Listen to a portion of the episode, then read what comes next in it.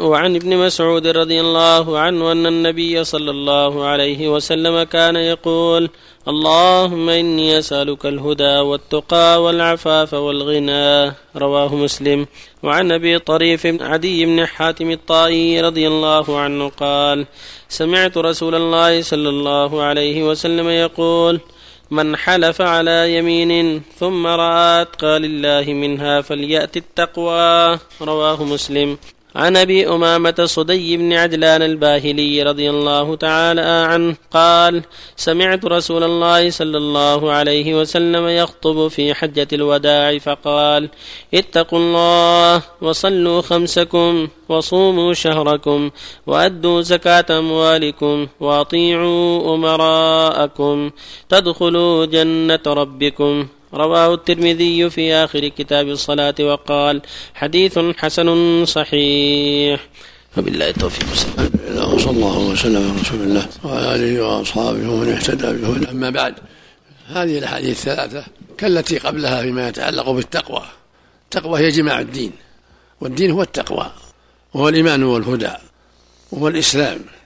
يسمى تقوى ويسمى دينا ويسمى إسلاما ويسمى إيمانا ويسمى هدى. ويسمى عبادة لله وما خلقت الجن والإنس إلا ليعبدون. يا أيها الناس اعبدوا ربكم.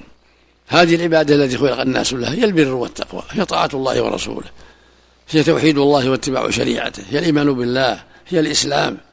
فالواجب على المكلفين أن يعبدوا الله وحده دون كل ما سواه. وذلك هو التقوى هو توحيد الله والإخلاص له وطاعة أوامره وترك نواهيه والوقوف عند حدوده هذه التقوى. وهذه العبادة اللي أنت مخلوق لها وهذه هي الإسلام والإيمان والهدى. وكان من دعاء صلى الله عليه وسلم يقول اللهم إني أسألك الهدى والتقى والعفاف والغنى. اللهم إني أسألك الهدى والتقى والعفاف والغنى. هذه من الدعوات الطيبة. وقال لمعاذ اتق الله حيثما كنت. كما تقدم واتبع السيئة الحسنة تمحها وخالق الناس بخلق حسن ويقول صلى الله عليه وسلم من حلف على يمين فأرى غيرها أتقى لله فليأتي الذي فليأتي التقوى. مثل والله ما أزور فلان. ثم رأى أن زيارته أصلح. يزوره ويكفر عن يمينه والله ما أسلم على فلان. رأى أن السلام عليه أصلح. سلم عليه ويكفر عن يمينه والله ما أصدق على فلان. ثم رأى أن الصدق عليه مناسبة. يصدق عليه ويكفر عن يمينه متى رأى أن ترك اليمين أتقى لله؟ فليفعل واللفظ الآخر من حلف على يمين فرأى غيرها خيرا منها فليكفر عن يمينه وليأتي الذي هو خير. ويقول صلى الله عليه وسلم والله إني إن شاء الله لا أحلف على يمين فأرى غيرها خيرا منها إلا كفرت عن يميني وأتيت الذي هو خير وهذا هو المشروع المؤمن. مثله والله ما أعود فلان المريض يكفر عن يمينه ويعود المريض. والله ما أصل أرحامي يكفر عن يمينه ويصل أرحامه. والله ما أحجها العام يكفر عن يمينه ويحج وهكذا. إذا رأى أن ترك اليمين أصلح كفر ويترك اليمين. لحديث أبي أمامة الصدي بن عجلان الباهلي رضي الله عنه لما سمع النبي صلى الله عليه وسلم في حجة الوداع يقول أيها الناس اتقوا ربكم وصلوا خمسكم وصوموا شهركم وأدوا زكاة أموالكم وأطيعوا أمراءكم تدخلوا جنة ربكم. هذه أركان الإسلام ما عدا الحج. تقوى الله هي توحيد الله والإخلاص له والإيمان به وبرسوله مع اداء الصلوات مع صيام الشهر رمضان مع أداء الزكاة. الخامس حج البيت. وهو داخل في التقوى أيضا. وطاعة الأمراء من أهم المهمات. لأن طاعة الأمراء في المعروف من أسباب أسباب الأمن وترك الظلم وإنصاف المظلوم وسير الأمور على المطلوب.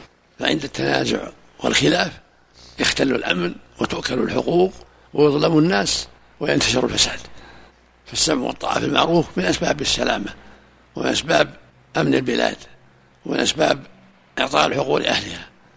ولهذا أمر صلى الله عليه وسلم بالسمع والطاعة لولاة الأمور المعروف وقال لا طاعة المخلوق في معصية الخالق.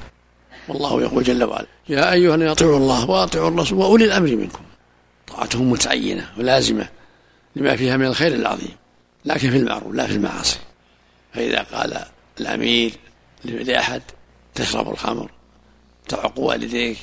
لا يطيع في المعاصي. تأكل الربا لا يطيح المعاصي إنما الطاعة المعروف لا طاعة المخلوق في معصية الخالق. لكن هذه المعصية لا توجب الخروج عليه ولا شق العصا. ولهذا أمر الصحابة رضي الله عنهم بيعه معاهده أن لا ينازعوا الأمر أهله. يعني أن يسمعوا ويطيعوا ولا إلا أن تروا كفرا بواحا عندكم من الله فيه برهان يعني مع القدرة على إزالته. ولهذا يقول صلى الله عليه وسلم من أمير شيء من معصية الله فليكره ما يأتي من معصيه الله ولا ينزعن يدا من طاعة.